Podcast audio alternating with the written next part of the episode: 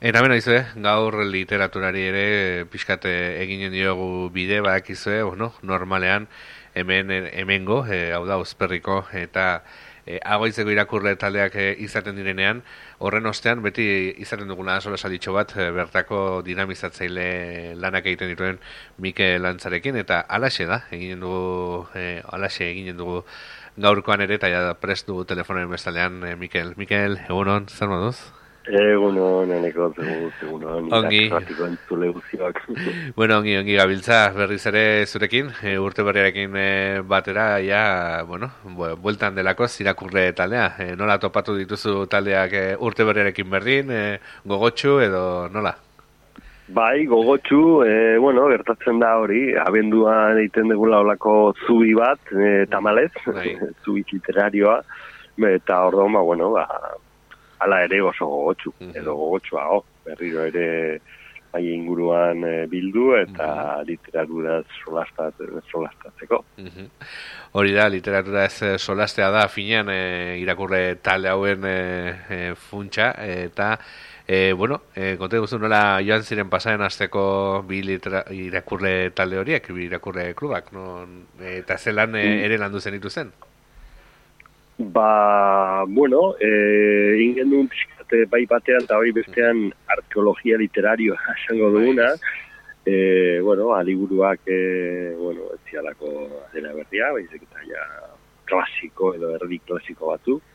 Eh, auriz perrin, eh, iazi eh, hiltzen Juan Mari Irigoyenen Babilonia, amatua, izan duen gai, eta hoitzen krimen uriberen... Eh, Bilbao, New York, Bilbao.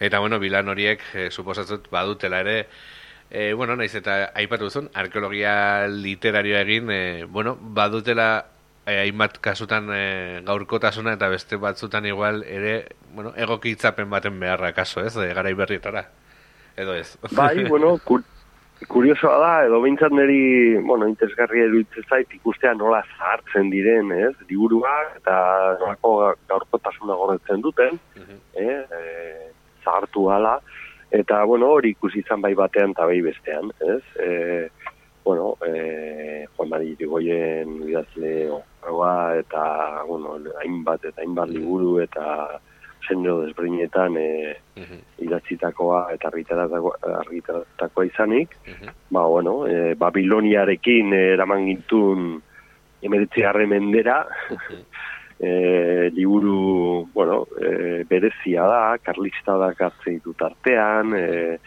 badauka horrelako e, e, realismo magikoaren e, kutsu bat e, Euskal Herria ekarritakoa. Liburu gomendagarria edutzen zait, e, bueno, e, baditu bere zailtasunak personaiekin, e, baditu bere, bere bueno, e, zekimailuak edo behintzat e, jakin beharrak, ba, narratzaile desbreinak erabiltzen dituelako. Mhm.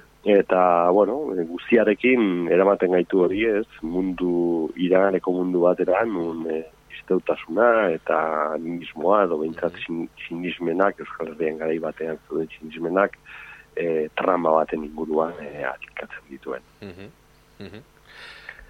Eta gero hori, Bilbao, New York Bilbao ere, bueno, e, ja da, esan genezake klasiko badela, ez? Ja urte batzu dira, e, gargitaratu bai, zenetik. bai, Babilonia pentsa, e, laro gita behatzen, e, bila behatzen, laro gita behatzen argitaratutakoa zen, mm -hmm. beraz, oita ma, zain bosturte, bai. ditu. Mm -hmm. e, Bilbao, New York, Bilbao berriagoa da. Mm -hmm. eta sortzikoa, la ere, ba, beste, ama urte mm -hmm. dira. Mhm. Eta krimen uri beren lehen e, novela izan zen, mhm. eta novela e, estilo edo bintzat egitura aldetikan e, ordura arte nik uste dut Euskal mhm. Herrian e, irakorri gabekoa, ez? Autofikzioan mm -hmm. e, gai asko biltzen ditu bere baitan, mm interesgarria da, ba, nola, nola eltzen dion e, kontakizunari, betak e, eraikin nahi duen kontakizun horri, eta nola kokatzen duen e, e, no, bere burua kontakizun horretan, ez? Eta, bai, klasiko bat dela esan daiteke, bai, mm -hmm. krimen hori benen e, novela ezaguna, ezaguna izango da, Mhm. ziurtzki. Eta, bueno, bai batean da bai bestean oso, oso saldi interesgarriak izan genik. Mhm. Hori galdetu nahi dizun, e, saioak nola izan ziren, ere, ze nolako ekarpenak izan ziren e, bertan, e, konta guzu? Bai, e, bueno, mm, ez dakit, ekarpen interesgarriak beti bezala, e, e, liburaren ulermena eta bakoitzak nundik heltzen dion, Babiloniaren kasuan, ba, ba, bueno, e, bueno, e, garai, garai ordi e, zebila gotatzen dion, e, bueno, agian e, maskulinotasuna edo e, oso nabarmen gelditzen da, e, Babiloniaren kasuan, e, gaur egungo begiradatik, ba, bai, e, pixkat, e, ez da hain ondo zahartu esan, esan gentzake, Mhm. eh, baina, bueno, horretzen du bere, bere interesa. Mhm. Eta Bilbao, New York, Bilbao, ba, bueno, e, e, krimen hori beren idazkera e, xamurra, e, nik uste oso egokia dela e, literaturara, euskal literaturara kasu honetan gurbiltzeko bizkat e, kezka daukatzen kenteentzat, edo literatur zaleentzat, e, oso liburu egokia dela, erraz biltzen delako, historio asko eta asko eta asko dituelako, e, oso, e, hola, osatu dagolako, nabaiteko puzle bat, e, bat bezala, eta, eta bueno, e, irakurketa, bai, e, mintzat, e, bai batean eta bai bestean, e, parte hartu zuten e, kideek, ba, parte oso, oso gustura irakurritako liburuak izan ziren. Mhm. Eta, bueno, beti saio batetik bestera, e, beste liburu bat, e, bidaltzen e, ohi duzu, edo izaten ohi da, irakurgai, e, zeintzuk izan dira, torren e, hilabetean izanen dienak e, ez gai edo solasgai? Bueno, ba, otxearen hogeian, e, aurizperrin, e, ani erno, e, ani ernaux, e, bueno, iaz Nobel sari eman zioten, e, iaz ez, Horten, horten, horten da, bai, hortengoa. bai, aurtengoa. e, gertakizuna, Mhm. e, liburua, e, izango da, e, irakurgai edo solasgai izango duguna.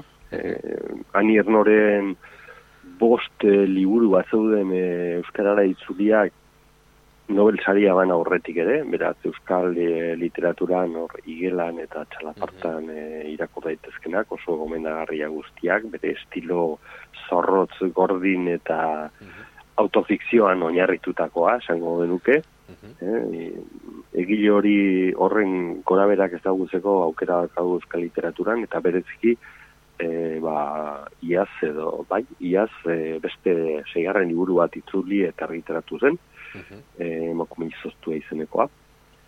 Eta, bueno, proposamena da e, liburu hori irakurtzea, baino al izan ezkero, e, proposatu diet e, e, aurizperriko irakurle taldeko parteidei Mhm. Ramon Saiz Erritoriaren egunero azten delako ere irakurtzea. Eh? Gai berdintxua du- dutelako biek, Mhm. eta, bueno, e, garai bertsuari buruz ari dira, Mhm. interesgarri izan, izan ditekelako ikustea, ba, nola eh, euskal literatura nola heldu zitzaion gaiari eh, ja, zion da iruita behatzean, hori bai dela arkeologia, Bai. eta e- eta eta eta Frantzian ere nola heldu zitzaion garai bertsuari buruzko Mhm.